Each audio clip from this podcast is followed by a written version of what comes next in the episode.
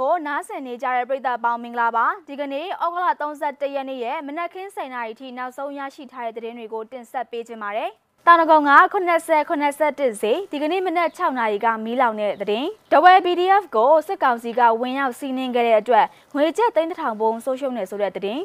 EU ကမြန်မာပေါ်စီးပွားရေးပိတ်ဆို့မှုတွေချမှတ်ထားပေမဲ့အီတလီကုန်သည်တွေကမြန်မာနိုင်ငံကကျွန်းသစ်တွေကိုဆက်ပြီးတော့တင်သွင်းနေတဲ့အကြောင်း အခြေခံစာတင်ကျောင်းတွေကိုစက်တင်ဘာလ10ရက်နေ့အထိပိတ်ထားမယ်လို့စစ်ကောင်စီကထုတ်ပြန်တဲ့သတင်းတန်တိုတန်စားတွေနဲ့မိသက်ဆက်ရုပ်တီထွင်တဲ့ဂါဇာကအင်ဂျင်နီယာတွေအကြောင်းစတဲ့သတင်းအကြောင်းအရာတွေကိုတင်ဆက်ပေးပါတော့မယ်တနင်္သာရီတိုင်းဒေသကြီးထဝယ်မြို့နယ်မှာရှိတဲ့ပြည်သူ့ကာကွယ်ရေးတပ်စခန်းကိုစစ်ကောင်စီတပ်ဖွဲ့ဝင်တွေကဝင်ရောက်စီးနင်းခဲ့တာကြောင့်ငွေကျပ်တန်ဖိုးသိန်းတစ်ထောင်ဘိုးကန်ဆုံးရှုံးခဲ့တယ်လို့မနေ့ကညဦးပိုင်းရဲ့သတင်းတွေရဲ့ဖော်ပြချက်အရသိရှိရပါတယ်။ စစ်ကောင်စီကမီးရှို့သွားတဲ့အချိန်မှာဆက်လေတွေကုန်ကျန်းတွေလက်နက်တွေတင်းထောင်မိုးလောက်ရှိတယ်ဆက်လေအကြီးတွေနဲ့ရိတ်ခါကြောက်တွေတနက်တွေစခန်းတွေကုန်မီးရှို့ခံရတယ်လို့တဝဲပြည်သူ့ကာကွယ်ရေးတပ်ကိုကိုးကားပြီးတော့အေယာဝတီသတင်းဌာနရဲ့သတင်းတရက်မှာဖော်ပြထားပါတယ်ဒါ့အပြင်စစ်ကောင်စီကဝင်ရောက်စီးနင်းတဲ့တဝဲပြည်သူ့ကာကွယ်ရေးတပ်ရဲ့စခန်းတီရှိရာ တဝဲမြို့နယ်တက်ဆက်ပြင်တစ်ဖက်ကမ်းမှာရှိတဲ့တဏီတော်အတွင်းရှိတဲတွေကိုမီးရှို့ဖျက်ဆီးပြီးတော့ရွာသားရ20ကျော်ကိုလည်းဖမ်းသွားခဲ့တာပါတဝဲပြည်သူ့ကာကွယ်ရေးတပ်စခန်းကိုစစ်ကောင်စီတပ်ဖွဲ့ဝင်900ကျော်ကဩဂုတ်လ28ရက်နေ့နေ့လယ်ပိုင်းကစတင်ပြီးတော့ရှာဖွေမှုတွေပြုလုပ်ခဲ့တာပဲဖြစ်ပါတယ်။လက်ရှိမှာတော့တဝဲပြည်သူ့ကာကွယ်ရေးတပ်ဖွဲ့ဝင်တွေဟာလွတ်မြောက်နေမြေကိုရောက်ရှိနေပြီဖြစ်ပြီးတော့ဒေသခံပြည်သူ့ကာကွယ်ရေးတပ်ဖွဲ့၉ဘွဲ့နဲ့မဟာမိတ်ဖွဲ့ဖွဲ့စည်းထားတယ်လို့သိရပါတယ်ရှင်။ ရန်ကုန်တိုင်းတောင်တကုံမြို့နယ်က80 81ဈေးလို့လူသိများတဲ့ဗဟိုစီဈေးဟာဒီကနေ့မနက်6နာရီခန့်ကမီးလောင်ကျွမ်းခဲ့ပါတယ်။မီးလောင်မှုဟာမနက်6နာရီ15မိနစ်အချိန်မှာစတင်ခဲ့ပြီးတော့6နာရီ35မိနစ်မှာမီးငိမ့်တက်နိုင်ခဲ့တယ်လို့မျက်မြင်တွေ့သူဒေသခံတအုပ်ကမျက်စိမှောက်ကိုပြောကြားခဲ့ပါတယ်။ ဈေးကအခုမှအသစ်ဆောက်ထားတဲ့ဈေးသစ်ကြီးထောက်ွက်ကြီးကနေစလောင်တာစေးဆိုင်ကနေစလောင်တယ်လို့လည်းသိရတယ်။စေးဆိုင်နဲ့ကက်လျက်အထည်ဆိုင်ကတော့ကုန်ပြီ။အခုအဲ့ဒီအတန်းကစေးဆိုင်တို့အထည်ဆိုင်တို့ကတော့အကုန်ပိတ်ထားရတယ်။ပြန်ကြဈေးတယ်တွေကတော့ဆက်ဖွင့်ကြတာပေါ့လို့သတင်းရင်းမြစ်ကပြောကြားခဲ့ပါတယ်။မီးလောင်မှုဟာဝါယာရှော့ကြောင့်လို့ကနဦးသိရပြီးတော့မိသက်ကား၄စီး လူနာတင်ရင်နှစ်စီးရောက်ရှိခဲ့တယ်လို့စစ်သားတွေကလည်းကားသုံးစီးနဲ့ရောက်ရှိလာပြီးတော့စစ်ဆေးမှုတွေပြုလုပ်လျက်ရှိပါတယ်။လူထိခိုက်ဒဏ်ရာရတာကတော့မတွေ့ရှိဘူးလို့လည်းသိရပါတယ်ရှင်။စစ်တပ်ကအာဏာသိမ်းမှုကြောင့်ဥရောပသမဂ္ဂ EU ကမြန်မာအပေါ်ကုန်သွယ်မှုစီးမြင့်တွေပိတ်ဆို့တာအရေးယူတန်းခတ်မှုတွေကိုပြုလုပ်ထားပါတယ်။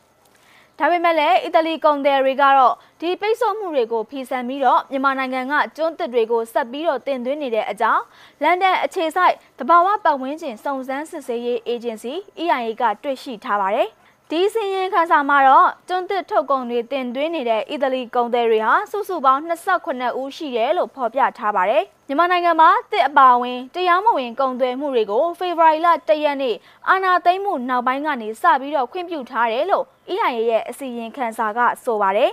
။သူတို့ဖွဲ့ကစုံစမ်းတွေ့ရှိထားတဲ့အချက်လက်တွေအရအီတလီကုန်သည်တချို့ဟာဒီနေ့မတ်လ ဧပြီလနဲ့မေလအတွင်းမှာမြန်မာနိုင်ငံကတစ်တွေကိုယူရို1.3တန်းနဲ့1.5တန်းကြားတင်သွင်းခဲ့တာကိုပြသနေပါတယ်။ဒါဟာဥရောပသမဂ္ဂရဲ့တစီမြင့်စည်းကမ်း EU တရားကိုချိုးဖောက်ရလဲရောက်နေပါတယ်။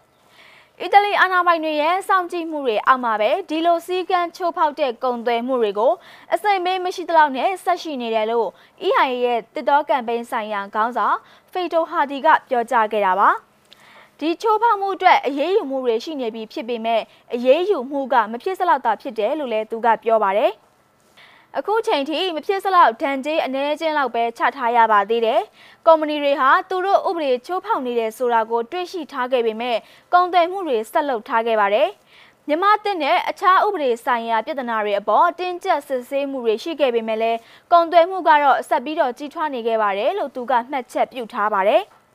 စစ်တပ်ကအာဏာသိမ်းမှုကိုအထောက်ပံ့ဖြစ်စေတဲ့ငွေကြေးစီးဆင်းမှုတွေကိုကူညီတားဆီးပေးဖို့မြန်မာပြည်သူတွေစီကနေတောင်းဆိုချက်တရက်ရှိနေပါတယ်။နောက်ပြီးတော့မြမတစ်လုပ်ငန်းနဲ့အာနာသိန်းစစ်အုပ်စုကိုထောက်ပံ့နေတဲ့စစ်တပ်စည်းပွားရေးလုပ်ငန်းတွေအပေါ်ကိုအရေးယူတန်ခတ်မှုတွေလည်းရှိထားပါတယ်။ဒီတော့ EU အဖွဲ့ဝင်နိုင်ငံတွေ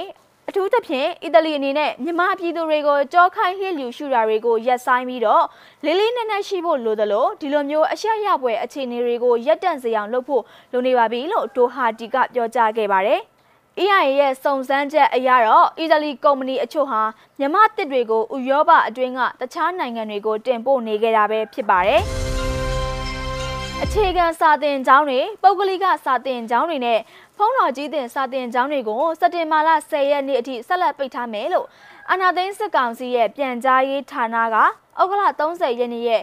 8နာရီသတင်းမှာထုတ်ပြန်လိုက်ပါတယ်။လက်ရှိအခြေအနေအရ COVID-19 ကပ်ရောဂါကူးစက်ပြန့်ပွားမှုတွေကိုဆက်လက်ထိန်းချုပ်နိုင်မှုအတွက်အခုလိုတိုးမြင့်သတ်မှတ်လိုက်တာဖြစ်တယ်လို့ကြေညာလိုက်တာပါ။ ဒါအပြင်စက်တင်ဘာလ1ရက်နေ့ကနေစက်တင်ဘာလ10ရက်နေ့အထိကိုအများပြည်သူအလုပ်ပိတ်ရက်ဖြစ်တိုးမြင့်သတ်မှတ်လိုက်ပြီးတော့ဗဟိုဘဏ်နဲ့သူတို့လက်အောက်ခံအစိုးရဘဏ်ပုဂ္ဂလိကဘဏ်တွေကိုတော့ပုံမှန်တိုင်းဆက်ပြီးတော့ဖွင့်လှစ်ထားမှာပဲဖြစ်ပါတယ်မြန်မာနိုင်ငံမှာ COVID-19 တတိယလှိုင်းအတွင်းယောဂကူးစက်ခံရသူဟာ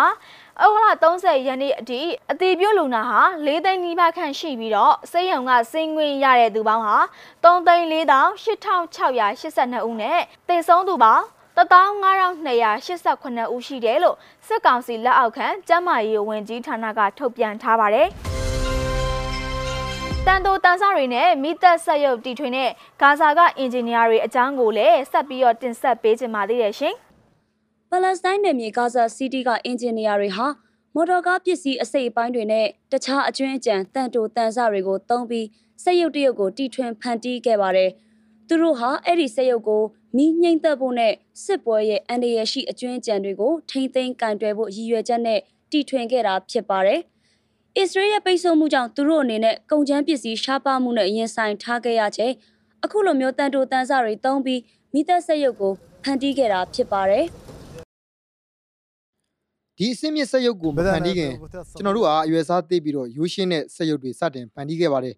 အခုဒီဆက်ရုပ်ကတော့လုပ်ငန်းဆောင်တာတော်တော်များများကိုလုပ်နိုင်ပါတယ်သူ့မှာရှေ့ဘက်လက်တံတစ်ခုပါပါတယ်နောက်ပြီးတော့မီတာပိုက်တစ်ခုနဲ့အဝေးထိန်စနစ်နဲ့သုံးတဲ့လက်တံတစ်ခုလည်းပါပါတယ်ဒီဆက်ရုပ်ကလေးလံတဲ့ရာဝတ္ထုတွေကိုတင်နိုင်သလိုမတင်ကားပွဲပစ္စည်းတွေကိုလည်းကင်တွယ်နိုင်ပါတယ်။ကမ်းမြောင်ဒေသကိုပိတ်ဆို့ထားမှုကုန်ကျန်းနဲ့ငွေကြေးအထောက်ပံ့တွေရှားပါတာတွေအကန့်အသတ်ရှိတဲ့လုံနိုင်စွမ်းအဲ့ဒါတွေကြောင့်ဂါဇာကမ်းမြောင်မှာဒီဆက်ရုပ်ဖန်တီးမှုလုပ်ငန်းမှာ အခက်အခဲတော်တော်များများနဲ့ကျွန်တော်တို့ရင်ဆိုင်ခဲ့ရပါတယ်။စက်ရုပ်ဖန်တီးရမှာအသုံးပြုထားတဲ့အစိတ်ပိုင်းပစ္စည်းအများစုကအခြားဆက်ပစ္စည်းတွေနဲ့ကားတွေကနေရတာဖြစ်ပါတယ်။ကျွန်တော်တို့ကစိန်ခေါ်မှုကိုရင်ဆိုင်သွားမှာပါ။ဒီစက်ရုပ်ကပြောရရင်ပြည်တွင်းအစိတ်ပိုင်းတွေနဲ့ပဲလုပ်ထားပါ။ဒီစက်ရုပ်ကတန်ကြီးအဖြစ်ဆိုရင်ဒေါ်လာ8000နဲ့1000ကျားရှိပါတယ်။ဒါကအခြားဖွံ့ဖြိုးပြီးနိုင်ငံတွေမှာအခြားစက်ရုပ်တွေကုန်ကြမဲ့ပမာဏနဲ့ရှိရင်အတော်လေးတန်ဖိုးနေပါတယ်။အဲ့ဒီအခြားစက်ရုပ်တွေဆိုရင်ဒေါ်လာသိန်းချီလောက်ကုန်ပါလိမ့်မယ်။ဒါပေမဲ့ ကျွန်တော်တို့ဟာမဖြစ်နိုင်ဘူးဆိုတာတွေကိုရင်ဆိုင်ကြော်လားထားခဲ့သလိုအကန့်အသတ်ရှိလုံနိုင်စွမ်းနေတဲ့အတူဒီဆက်ရုပ်ကိုဖန်တီးနိုင်ခဲ့တာပါနားဆင်ပေးခဲ့တဲ့အတွက်ကျေးဇူးတင်ပါတယ်အားလုံးပဲတာယာလှပတဲ့မနက်ခင်းလေးကိုပိုင်ဆိုင်ကြပါစေရှင်